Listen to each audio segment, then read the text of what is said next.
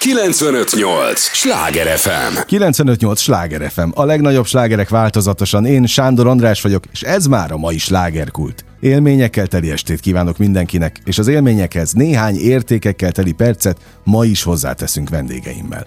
A Bombon együttes énekese 14 éves kora óta él Budapesten, és azt mondja, jóval kevesebb esélye lett volna arra, hogy szakmailag kiteljesedjen, ha annak idején szülővárosában marad.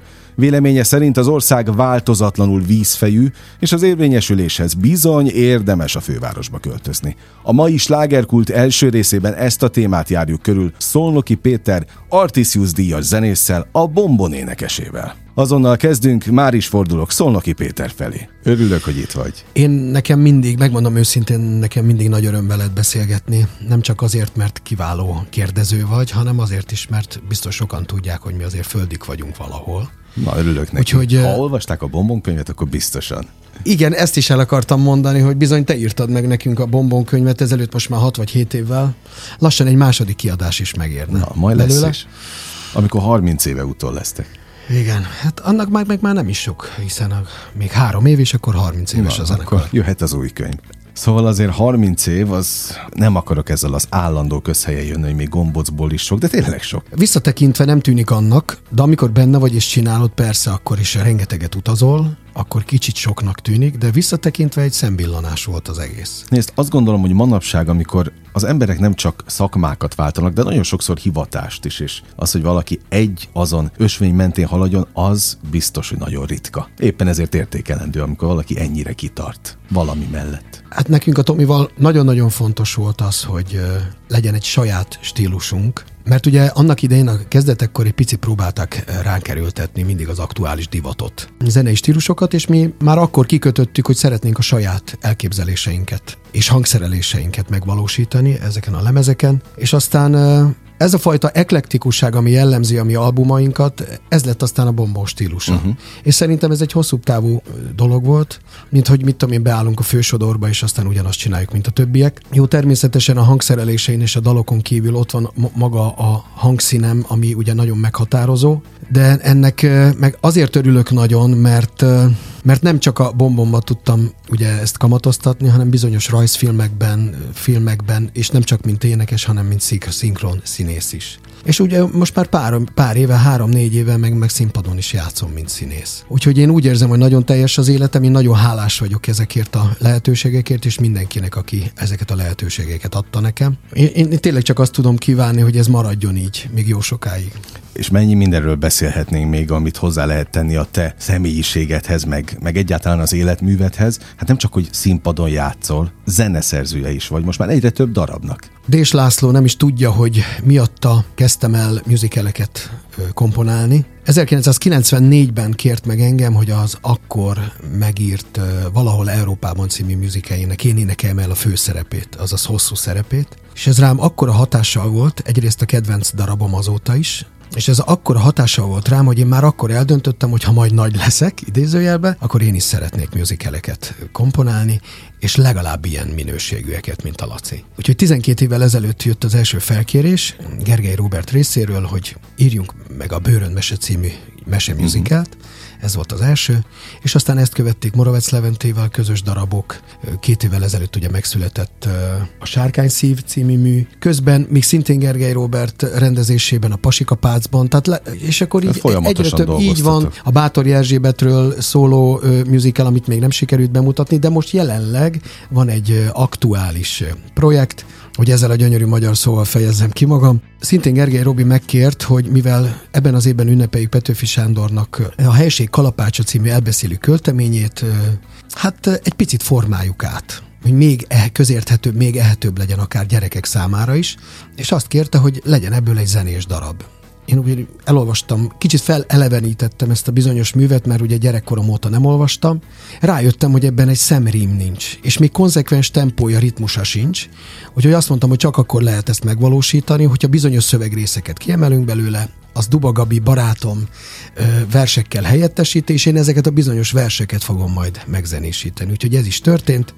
Már haddal elkészült, éppen a hangszerelési fázisban vagyunk. A darab bemutatója március 23-án lesz, és nagyon fontosnak tartanám felsorolni azokat a művészeket, akik ugye közreműködni fognak ebben a bizonyos darabban. A szereplők Tóth Sándor, Teremi Trixi, Suhajda Dániel, Kac Zsófia, Farkas Fanni, Gombás Ádám és Szabó Róbert, a dalszövegeket, mint említettem, ugye Duba Gábor írja majd, és természetesen Gergely Robert fogja ezt rendezni. Ebben a műsorban a vételkörzetünkben élő és alkotó művészek szólalnak meg, és ugyan elmondtad, hogy földik vagyunk, de gyakorlatilag, ha te ott maradtál volna, ahonnan mi jövünk, tehát vidéken, akkor nem biztos, hogy tudtál volna ilyen produkciókban részt venni, és musicaleket, vagy dés egyáltalán felfedezett volna valaha. Szóval mennyire fővároscentrikus még szerinted az ország? Szakmai szempontból kérdezem. Nagyon. Szerintem egy víz, vízfejű az ország, igen. Tehát, hogy még mindig Budapest. Csak innen lehet érvényesülni. Bár lehet, hogy néhányan ezt megvétóznák. Hát de, néha, de néha még, mondják, hogy a világhálóval kinyílt a világ, és már nincsenek akkora távolságok. De azért nem, még mindig könnyebb innen igen, érvényesülni. Én, én se látom, hogy sokkal könnyebb lenne egyébként. És most már innen sem könnyű. Régen sem volt, de most egyre nehezebb. Általában hogy, hogy próbálnak érvényesülni, ugye a mai fiatalok elmennek tehetségkutató műsorokba, ide-oda, amoda, mondjuk egy kifejezetten vannak erre való műsorok, de ott is nagyon-nagyon megszűrik, hogy mi az, ami bekerülhet, mi nem. Uh-huh. És, és már mi sem tudjuk, hogy mi a titok, mi a, titok? Mi, a, mi a recept. Uh-huh. Mert azt gondoltuk annak idején, hogy ha írsz egy jó dalt egy jó szöveggel, és jól elénekled, akkor az bekerülhet bárhova. De ma már nem így van, sőt, az elmúlt 12 évben nem így van. Úgyhogy mi sem tudjuk a receptet, de ettől függetlenül még mindig lelkesek vagyunk, és csináljuk, és dolgozunk. Na ezt, pont ez a lényeg, hogy a szenvedély az megmaradt. Hát persze, mert ez a legjobb szóra, ez a szerelmünk, a munkánk. Szoktuk viccesen mondani, hogy ez az a munka, amit ingyen is csinálnánk, csak senki meg ne tudja. akkor visszajelnek vele. Igen, mert akkor egyrészt visszajelnek vele, kettő nem tudnánk kenyeret venni a boltba. De hát nem, nem könnyű, de tényleg ez a fajta szenvedély és szeretet az, ami tovább lögdös minket minden nap ezen az úton, és természetesen a közönségnek a szeretete a visszajelzése. Egyébként nyilván felsoroltál egy csomó tevékenységet, amely mind-mind egy dolog köré csoportosul, de nyilvánvalóan más színészként állni a színpadon, meg más énekesként. Te a legtöbbet, ha jól tudom, Budapesten álltál színpadon színészként. A Bomba Musicalben kezdődött? Igen, hát annak idején, amikor Háda János felkért, hogy én ne csak a szerzője legyek, az egyik szerzője legyek ennek a musicalnek, hanem legyek az egyik főszereplője is, akkor én nagyon meglepődtem, mert nekem nem volt hát lényegében affinitásom ehhez. És amikor végül is igent mondtam, akkor rájöttem, hogy nekem újra meg kell tanulnom beszélni, járni, hova tegyem a kezem, hogyan beszéljek, hogyan viselkedjek a színpadon. Hiába volt már mögöttem nem tudom hány év színpadi rutin, mégis újra kellett az egészet megtanulnom, alig másfél-két hónap alatt.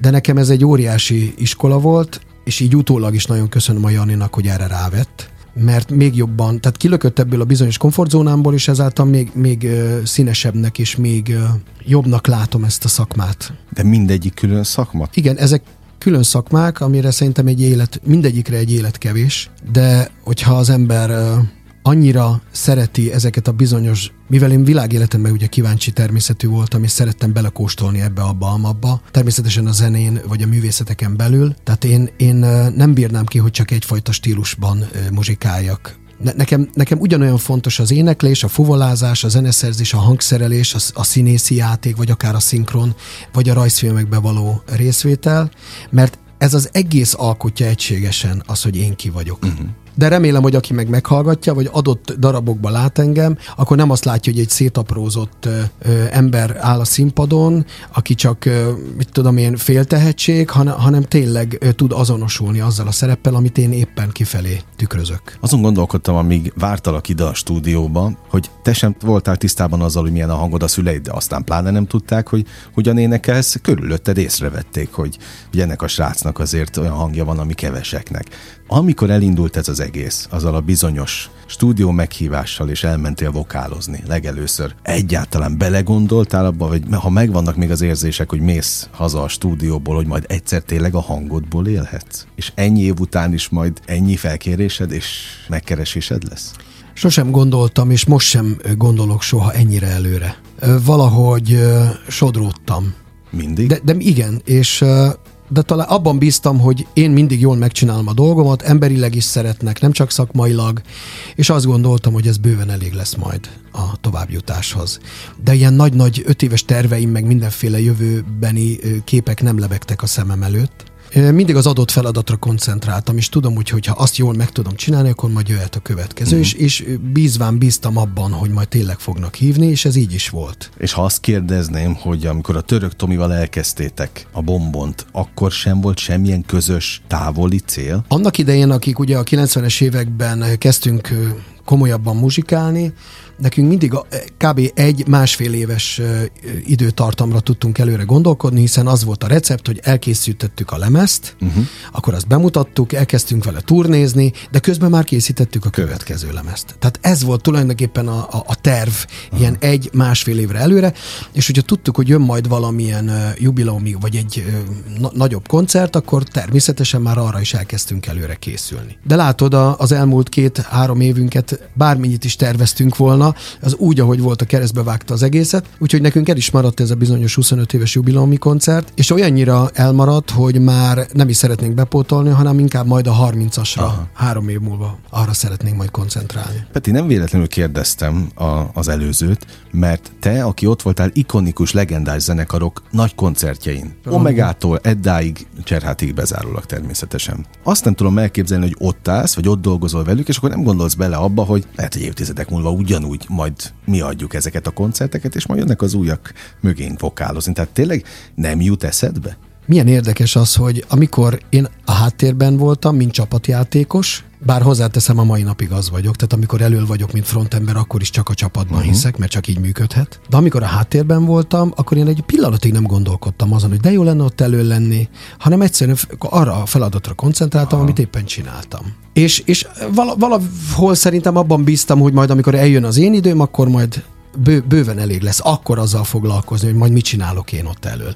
Persze azt néztem, hogy ők hogyan kommunikáltak a közönséggel, hogyan viselkedtek, tehát ezeket az információkat az ember ösztönösen is magába szívja. Mondhatom, hogy nem volt hiába az, hogy három-négy évig csak a háttérben voltam, mert ez a fajta óriási tapasztalat, mint ahogy az inas éveket szoktuk mondani, amikor uh-huh. valaki egy szakmát tanul, az bizony végig kell járni ahhoz, hogy amikor te előre kerülsz, amikor már te leszel a mesterember, akkor kapásból elő tudjál húzni a tarsolyból olyan dolgokat, amik már nem jelentenek majd problémát. Úgyhogy én ezt ajánlom mindenkinek a mai napig hogyha valamilyen mesterséget meg akarunk tanulni, akkor először figyeljünk, tanuljunk a mesterektől, és majd utána, amikor már minden csinyát, binyát megtanultuk, még akkor is rá fogsz jönni, hogy ú, mennyi mindent nem tudsz. Mert minél inkább mennyi, tehát amikor rájössz, hogy mennyi mindent tudsz, akkor fogsz rájönni arra is, hogy mennyi mindent nem, nem tudsz, tudsz még. Persze. Van. Egy kifejezés jut eszembe erről, az alázat. Az honnan van benned? Biztos, hogy a szüleim révén, Tehát a nagyszüleim, a szüleim, ez a fajta szakmai alázat, és, és itt a jó értelembe vett alázatról beszélünk, nem az alázatoskodásról, hanem itt az igazi szakmai alázatról. Ez biztos, hogy a szüleim, nagyszüleim révén hoztam, és azok a tanárok, akik engem tanítottak, tulajdonképpen belém csepegtették ezt soha nem voltak tolakodóak velem az emberek, hanem mindig valahogy a szeretet nyelvén találtak meg engem. Talán az ember mindig azt kapja vissza, amit kifelé sugároz. 95-8 sláger FM, a legnagyobb slágerek változatosan, ez a slágerkult, és természetesen Szolnoki Péter Artisius díjas zenésszel beszélgetek. Nem mehetünk el szó nélkül a bombon mellett. Ebben a 27 évben azért volt minden. Tulajdonképpen mindig úttörők voltatok.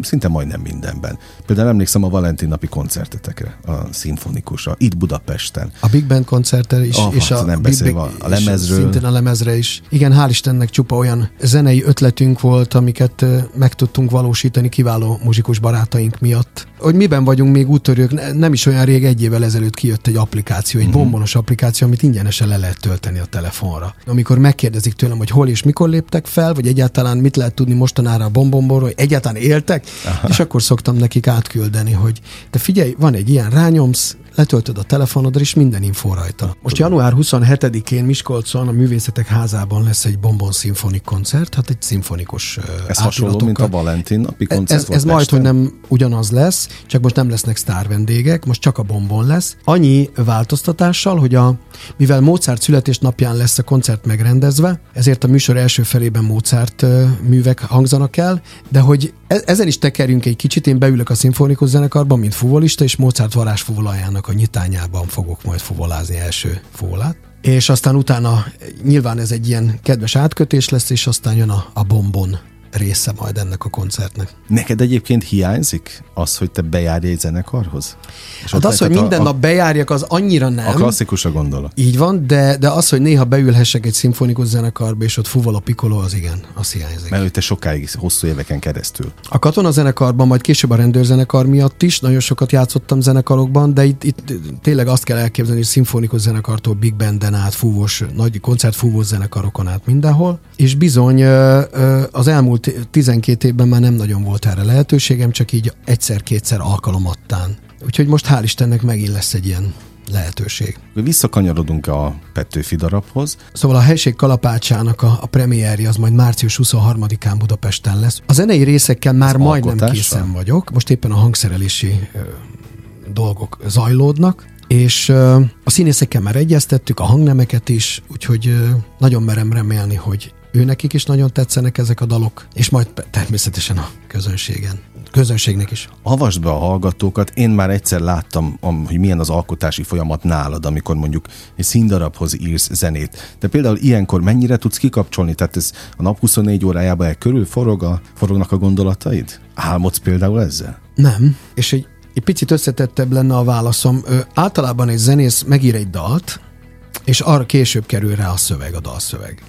Itt viszont, amikor musicaleket írok, vagy zenés darabokat, mindig fordítva dolgozunk. Most kifejezetten megkértem Duba Gabit, hogy először ő írja meg ezeket a verseket, mert én ezt szeretném megzenésíteni, ezeket a, az ő prozódiáját, az ő, az ő gondolat, a, a tempóját és ritmusát szeretném átültetni zenébe, és most is ez történt, és milyen érdekes, hogy akármennyire is megköti egy zenész, zeneszerző kezét ez, mégis újabb ablakok, lehetőségek és ajtók nyílnak meg előttem, és hát valószínűleg, mindig így szoktam mesélni másoknak, hogy valószínűleg nekem súghatják eh, valaki így a fülembe ezeket a dallamokat, hiszen amikor először elolvasom ezeket a verseket, azonnal megszületik bennem a dallam.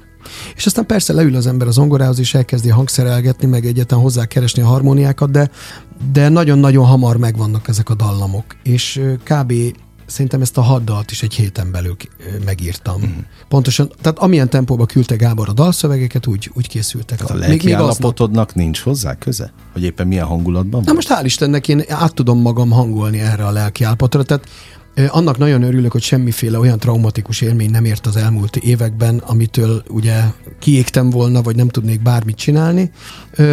Amikor jön egy ilyen felkérés, én, én, én ott, az engem már az doppingol, uh-huh. tehát maga a lehetőség és amikor már készhez kapom a, a verseket, akkor én totál lelazulva és, és nagy szeretettel látok neki. Úgyhogy valószínűleg ettől is, ettől a kinyílt tudat állapottól van az, hogy, hogy könnyebben tudok alkotni felkérés nélkül nem jönnek a gondolatok, meg az ötletek? Milyen érdekes, hogy akkor sokkal ritkábban. Mert az ember azt gondolná, hogy ott állok a piros lámpánál, és akkor eszembe jut valami, az gyorsan Igen. feldúdolod valamire, akár diktafonra, és mész haza Ezt szoktuk viccesen mondani, hogy a legjobb múzsa az előleg és a határidő.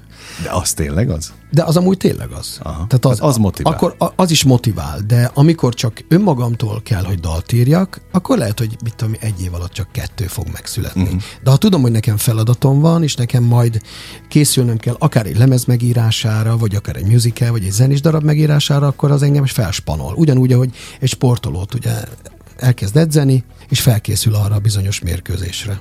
Az edzések még okoznak olyan örömöt? Mint maga a végső, a finálé? Persze, amikor... ö, nekünk ez már rutinszerűen megy, természetesen gyakorolni, hát nem tudom, én sosem szerettem igazából gyakorolni, de amikor kellett, akkor, akkor csináltam. Akkor és akkor beleálltam rendesen. Így van ez a fuvolázással is, ugye már nagyon régóta nem gyakoroltam, mert lusta disznó vagyok, de most így a, a Mozart születésnapjára kénytelen vagyok elővenni és minden nap fújni, de ez tehát nehogy azt higgyétek, hogy ez nekem nehéz, nem, ez örömet okoz természetesen, csak bennem van egy ilyen lustaságra való hajlam, amit hál' Istennek le tudok győzni. No, még Budapesttel kapcsolatban, így a végén, ugye egy vidéki embernek teljesen más a kapcsolata a fővárossal. De vannak olyan emlékek, benyomások, amelyek megmaradnak. Megvan a legelső? Ami már az első igazi sikerélményhez köthető? És akkor azt mondtad, hogy benne vagyok a rendszerben, vagy ott vagyok végre a tűz közelben. Hát az első ilyen apró sikerélmény, ezt te meg is írtad a könyvben. Ez 17 vagy 18 éves lehettem, amikor egy hajón kellett muzsikálnunk, az akkor még uh-huh. amatőr kis Silhouette nevű együttesemmel, és nagyon kedves barátunk akkor valamiért megsértődött és elment, ő volt az eredeti az énekes, énekes így van, és ott hagyott minket, és akkor így egy emberként rám néztek a többiek, és mondták, hogy akkor hát te írtad a dalokat, a szövegeket, tud, ott ülsz a zongorán, akkor énekeld is el. És akkor jó, hát odahúztuk a mikrofont, és amikor elkezdtem énekelni, akkor megszűnt a pösmögés, meg a, a sustorgás a, a, a nézőközönség sorai közt, és, és odafigyeltek, és uh, akkor tudatosult bennem, hogy valamit uh, jól csinálok, meg egyáltalán hatással van rájuk a hangom. Ez volt az első ilyen sikerélmény. És aztán az is óriási sikerélmény, amikor az életem első reklám ö, dalára felkértek még 90-es években, 90-es évek elején, akkor 93-ban, amikor kimit tudoztam Busi Gábor barátommal, ö, az volt ö, szerintem az egyik legnagyobb sikerünk, hiszen hiába, hogy csak egyszer láttak minket egy tévés elődöntőn, azt hiszem a Madács Színházból közvetítették 93-ban ezt, de mivel a, annak idején csak egy vagy két televízió volt még, Hát az... Akkor rá még fél évre is megismertek az utcán. Pedig, mit tudom, kb. négy percet töltöttem így a kamerák előtt. Tehát ezek a fajta apró vagy nagyobb sikerek is mind-mind előre-előre löktek. Vagy például volt egy nagyon-nagyon, számomra egy nagyon fontos momentum, Siposev Tominak vokáloztam a turnéján, akkor a záró előadás, a Budai Park színpadon volt ez a bizonyos előadás. Ezen a koncerten a Tomi lehetőséget adott a vokalistáknak, hogy az utolsó dalba előre jöhessünk. Ez egy Beatles nóta volt, és mindenki kapott egy szólósort. És amikor én jöttem és elkezdtem énekelni, akkor felhördült a közönség. És ez akkora löketedés, lelkesedést adott nekem, hogy azt mondtam, hogy na akkor ezzel tényleg érdemes lesz majd foglalkozni a későbbiekben. Sok ilyen mérföldkövet kívánok még, amire majd vissza tudunk emlékezni közösen. Nagyon szépen köszönöm. Kéz és lábtörést kívánok neked, mind a koncerthez, mind a, a bemutatóhoz. Aztán gyere gyakrabban. Még egyszer köszönöm szépen a beszélgetést. Örülök, hogy itt voltál. 958! Sláger FM!